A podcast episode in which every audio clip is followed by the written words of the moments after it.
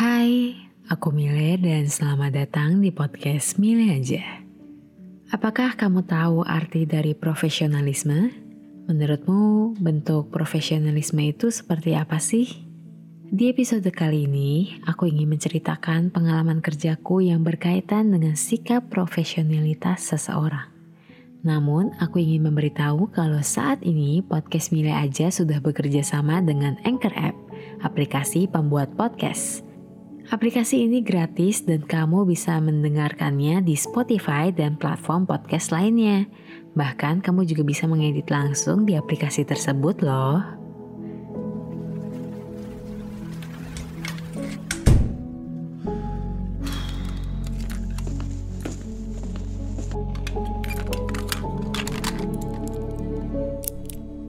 Kisah dan cerita hanya di podcast Mile aja. Ini akan menjadi episode pertama yang berkaitan dengan pekerjaanku saat ini. Aku tidak akan membahas tentang gaji atau tips bekerja dengan baik, namun aku akan membahas tentang beberapa kondisiku saat bekerja serta bagaimana aku maupun orang lain melakukan interaksi satu sama lain. Jadi begini, saat aku sudah bekerja full time di perusahaan ini, perusahaan ini merupakan perusahaan multinasional, perusahaan startup yang sebenarnya masih belum launching. Tapi aku nggak tahu kapan launchingnya. Dan ini adalah perusahaan yang baru dan butuh banyak sekali planning dan eksekusi untuk mencapai target. Aku sudah masuk ke bulan ketiga saat membuat episode ini, namun sudah banyak hal yang sudah ku kerjakan lebih tepatnya kerjaanku sebenarnya juga aku melihat serabutan. Ya awalnya aku berpikir apakah ini karena memang perusahaan startup jadi kayak satu orang itu kerjanya rangkap. Tapi menurutku semakin ke sini nggak juga deh karena workflow-nya detail-detailnya aku merasa ada yang nggak beres. Contoh, partner kerjaku dia bisnis development sama seperti aku, aku juga menjadi business development. Dan sebenarnya aku juga nggak tahu pekerjaan sebagai business development detailnya seperti apa karena aku ingin mencoba hal baru. Tapi saat aku diberikan job desk pemberitahuan itu agak berbeda dengan job desk yang aku kerjakan sekarang.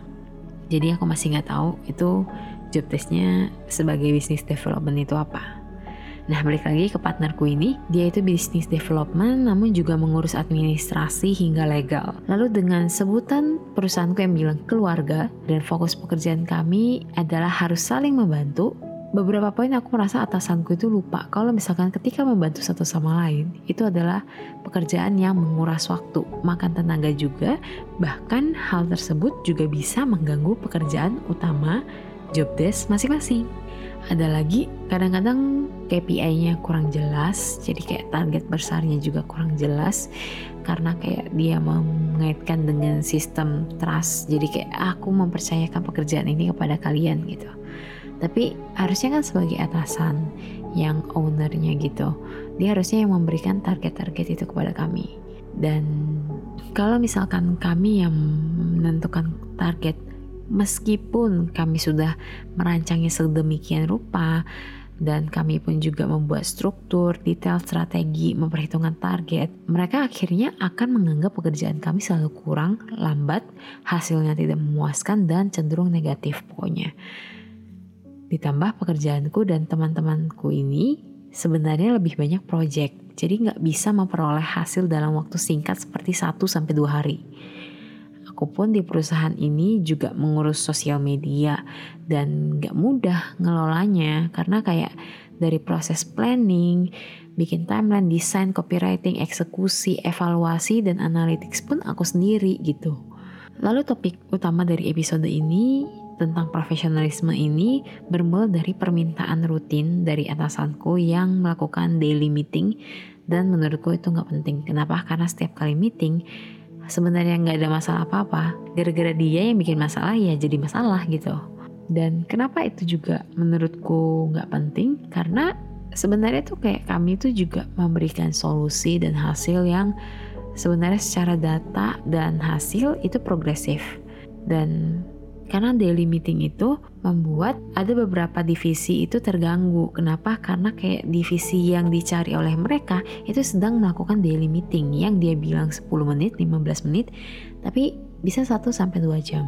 Dan meeting itu mengganggu aktivitas lainnya dong dengan aktivitas job desk utama yang harus memenuhi target dan segala macam. Dan aku juga ada di periode di mana aku melakukan perdebatan aduh diskusi sebenarnya dan kayak agak ada pergesekan gitu. Tapi karena mungkin si atasanku ini melihat kalau aku ini masih fresh graduate bahkan aku belum lulus terus aku juga masih muda ya baru 22 tahun gitu. Jadi kayak mungkin dia agak underestimate dan kenapa aku bisa menyimpulkan dan membuat statement tersebut karena nanti aku akan bahas lagi aku merasa kayak perdebatan terjadi antara atasanku denganku maupun dengan 80% karyawan yang ada. Jadi 80% karyawan ini rekan kerjaku ini sependapat dengan aku. Mungkin aku akan membahas beberapa episode berkaitan dengan atasanku ini. Dan mungkin aku akan menyebutkan namanya kita sebut saja Parit. Nah, Parit ini dia dari pertama kali meeting sama aku maupun sama teman-temanku yang seumuranku maupun beberapa tahun lebih tua denganku, ya rentangnya paling jauh itu 8 sampai 10 tahun. Parit ini selalu ngomong dengan kata-kata motivasi dan setelah dia mengulang kembali, aku merasa itu lebih ke underestimate dan dia kayak brainwashing gitu menurutku karena kayak dia bikin kayak kata-kata motivasi yang teoritis tapi itu tujuan akhirnya adalah kita harus menuruti apa yang dia mau dia bilang membuka diskusi tapi dia tidak mendengar sama sekali dan aku melihat dia underestimate kami karena masih muda khususnya aku dia menganggap aku itu nggak tahu apa-apa karena dia melontarkan kalimat tersebut ya. Dan kebetulan kantorku itu juga kebetulan ngomongnya pakai bahasa Inggris. Kayak karena dia juga nggak bisa pakai bahasa Indonesia, jadi kayak kami ngomongnya pakai bahasa Inggris. Dan karena pakai ngomong bahasa Inggris tersebut, aku selalu terngiang dengan statement-statement dia dan kata motivasinya. Kayak you are still young, you need to be professional dan beberapa sikap lainnya yang dia meminta kami untuk membantu satu sama lain tapi masalahnya si parit ini melupakan load kami yang sebenarnya banyak. Kami itu butuh manpower yang lebih banyak lagi. Tapi kadang-kadang pas kayak daily meeting itu dia tujukan untuk kayak memberitahu ada bottleneck apa, ada masalah apa. Tapi ketika kita mengungkapkan kalau ini adalah masalahnya seperti load kami dan segala macam dan hal-hal teknis yang sebenarnya itu mengganggu pekerjaan, dia merasa itu nggak penting. Ya, speechlessly aku. Dan sikap ini menurutku kayak dia seperti kurang empati ya. Dia kayak lupa kalau misalkan memperkerjakan seorang manusia gitu, banyak manusia. Aku sendiri pun terkait profesional ini aku merasa kalau pekerjaan loadnya banyak, aku sebenarnya yang bekerjanya sebagai BD ini Walaupun aku memaklumi ini adalah perusahaan baru dan aku harus membantu berbagai hal dan aku harus melakukan dari planning hingga eksekusi dan evaluasi dan lain-lain dan aku juga nggak tahu divisi aku seperti apa detailnya ya udah aku tetap jalanin. Cuman kayak makin lama tuh aku lelah karena kayak bekerja pun juga lebih dari 8 jam ya dan nggak dibayar. Nggak dibayar lemburnya maksudnya. Aku ngelihat juga uh, sebagai gambaran perusahaanku itu berfokus pada platform. Dan sebagai BD, uh, targetku adalah meningkatkan conversion rate dan growth. Dan kalau misalkan conversion rate itu kita harus memperbanyak kreator gitu. Dan kalau growth, kita itu harus lebih memperbanyak gimana sih cara banyakin user? Dan kita cari jalurnya gimana? Kalau conversion rate aku kayak mulai dari cari kreator-kreator. Aku juga mencoba kerja sama partnership B2B di situ. Terus ada beberapa pekerjaan lain yang harus tektokan sama bagian tim operasional, tim produksi, tim community, dan pastinya juga secara tidak langsung bekerja sebagai tim promosi juga. Nah, aku urus itu tuh. Dan untuk memperoleh hasil dari apa yang ku kerjakan itu gak bisa diselesain dalam waktu satu dua hari aja. Bahkan satu sampai dua minggu. Yang partnership B2B aja gak bisa sesingkat itu. Butuh waktu lah. Paling cepet pun juga kayak satu bulan gitu loh. Karena kayak ada prosedur-prosedur yang harus kita jalani. Lalu aku juga kayak ada mulai mengurus sosial media. Dalam waktu kurang satu bulan itu aku gimana pun caranya itu aku kayak bikin konten planning dan segala macam dan dalam satu bulan aku bisa capai reachnya lebih dari 20 engagementnya dalam seminggu aja bisa 300, 400 gitu. Bahkan itu pun aku yang ngerjain sendiri planningnya sendiri gitu lalu juga aku bakal mulai manage story dan reels juga. Dan aku malah dibilang di sosial media ini aku nggak ada tantangan dalam mengerjakan ini. Padahal itu aku ngerjain sendiri. Dan dengan kondisi aku bagi job deskku yang sebagai BD dengan sosmed ditambah ada beberapa pekerjaan yang membuatku lotnya semakin banyak. Jadi aku juga membantu community karena communityku sekarang tinggal satu orang jadi aku harus bantu karena itu juga berkaitan dengan targetku KPI ku juga kan tapi masalahnya adalah aku sudah mencapai limitku aku juga merasa sebenarnya time managementku juga udah kulakukan secara maksimal. Namun semakin berantakan kenapa? Karena ya si Parit ini minta aku meeting tiap hari, terus ada ide-ide baru yang setelah didiskusikan pun kasih argumen pun sebenarnya menurutku adalah hasilnya udah ketahuan kalau ini nggak berhasil gitu. Bahkan kayak sampai ada rekan kerjaku yang bilang kayak ya kita itu harus ikutin dia dan kita itu harus mengerjakan kerjaan yang kita udah tahu kalau misalkan itu nggak berhasil. Bukankah itu aneh ya menurutku? Dan balik lagi jadi tuh di si Parit ini ajak meeting tiap hari ada ide baru yang didiskusikan dan goalsnya sebenarnya menurutku nggak berkaitan sama tujuan utama kita memakan waktu juga wasting time malah yang padahal dulunya dia selalu bilang kayak kita harus memilih pekerjaan yang lebih efisien jangan wasting time. Kamu tahu kan resultnya nggak gimana gimana gimana banget. Cuman makin ke sini aku merasa kalau kita itu harus nurutin dia. Dan yang paling jadi akar permasalahan utama adalah kami itu kekurangan tenaga kerja. Aku jadinya kesal karena dia itu selalu bilang kalau kita itu harus memangkas kegiatan yang membuang waktu. Kita itu harus mengutamakan diskusi komunikasi itu penting tapi kayak si Parit ini aku melihat kalau misalkan dia itu nggak mau mendengar pendapat kami. Alasan sejelas apa pun, selogis apa pun, dia ingin apa yang dia lakukan iya. Kalau nggak dia marah ketika misalkan ada yang nggak sependapat sama dia. Meskipun aku fresh graduate sekalipun, aku pun juga tahu kalau ini tuh nggak berfungsi dengan adanya logika yang seperti gimana gitu. Yang sebenarnya ini kegiatan pekerjaan yang tidak bisa kujelaskan sepenuhnya di sini, karena aku harus memangkas beberapa hal yang takutnya merusak nama baik perusahaan. ya pokoknya pun aku fresh graduate aku masih punya pengetahuan yang dipastikan membantu dalam industri yang aku kerjakan saat ini. Apalagi ini kan perusahaan asing ya. Target marketnya itu orang Indonesia. Tapi itu ada beberapa poin yang dia tuh nggak mau nyesuaiin sama situasi yang ada di Indonesia gitu loh. Kadang-kadang aku juga mempertanyakan kayak ya ini ada BD dari Indonesia tapi kenapa nggak mau dipakai BD-BD Indonesia? Karena mereka udah tahu pasar-pasar di Indonesia. Dia bandingin sama negara asalnya dia. Benchmarknya harusnya ikutin ya benchmarknya orang-orang di Indonesia biar bisa bertahan juga gitu. Pun kalau misalkan dia mau jadiin negara dia sebagai landasan ya it's okay. Cuman yang dijual adalah ya di Indonesia ya aku tahu di negara asalnya itu berhasil tapi kan memang bisa dijadiin acuan ya tapi kan dipertimbangin juga loh kalau misalkan sekarang itu harus ada penyesuaian dengan negara-negara yang dia inginkan. Karena kayak dia bandingin benchmark yang ini nih waktu itu juga si perusahaan X ini juga nyobain step-step ini. Cuman perusahaannya ke mana? Udah tutup dan dia masih bandingin perusahaan yang sebenarnya udah gagal. Harusnya dia pakai perusahaan itu buat acuan biar nggak kayak si perusahaan yang udah tutup itu.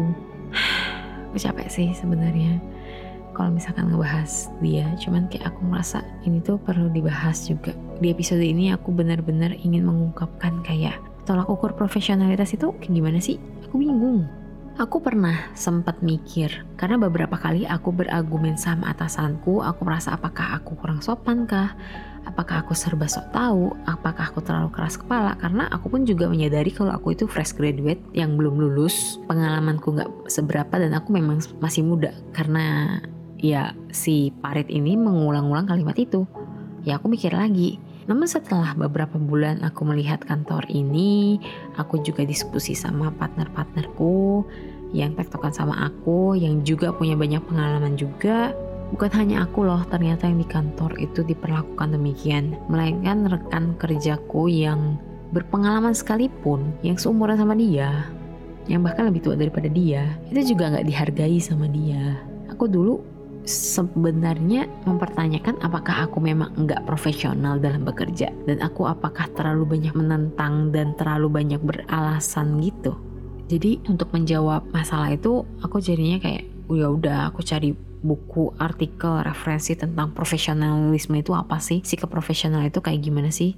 Dan aku sendiri itu udah jalanin profesional itu gak sih? Dan setelah aku cari, intinya adalah profesional itu berfokus pada sikap untuk mengandalkan kemampuan dan punya komitmen untuk menjalankan tugas yang dijalani. Mereka harus punya kemampuan dan pengetahuan yang tinggi, bertanggung jawab dengan apa yang dikerjakan, dan punya perencanaan yang baik. Lalu, aku juga memperhatikan adanya skill-skills yang harus dimiliki.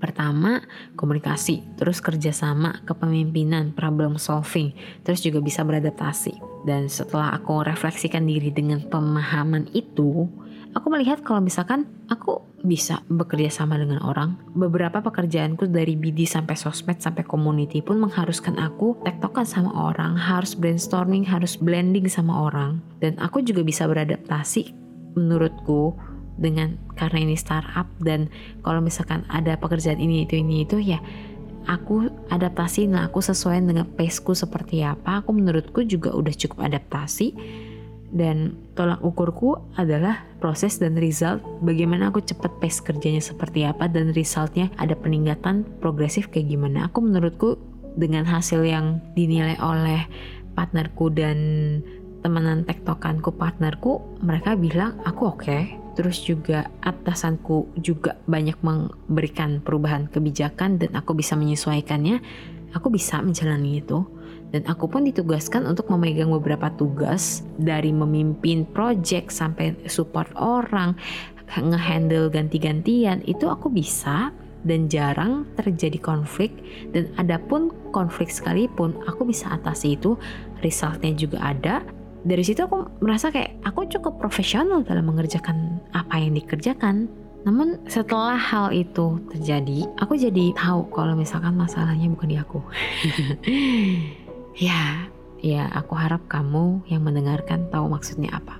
Karena kayak si Parit khususnya mempertanyakan performaku seperti apa. Dia tanya rekan kerjaku, aku kerjanya bagus atau enggak sih? Fit in enggak sih sama kerjaan ini? Resultnya oke okay atau enggak sih gitu. Karena kayak aku merasa dia mulai ingin mengeluarkan aku.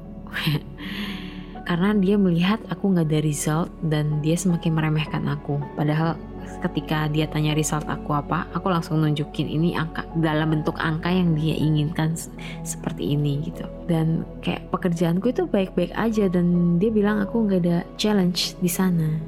Kerjaan seperti ini nggak gampang loh. Dia meremehkan kayak eh, dalam satu dua jam aku juga bisa bikin kayak gini gini gini. Nih apalagi kalau misalkan ngomongin soal Instagram. Instagram itu about visual.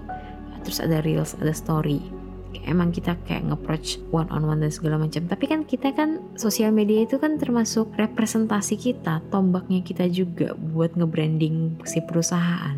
Ya gitu. Dan aku jujur episode ini aku sangat memfilter cara aku menyampaikan karena aku jadinya takut menjulit atasanku. Walaupun ini memang sudah menjulit tapi aku mengontrol karena aku takut jadinya mencemarkan nama baik perusahaan. Namun statement ini aku ingin menunjukkan bahwa kayak memang loh ada atasan yang memang sangat teoritis tapi nyatanya egois.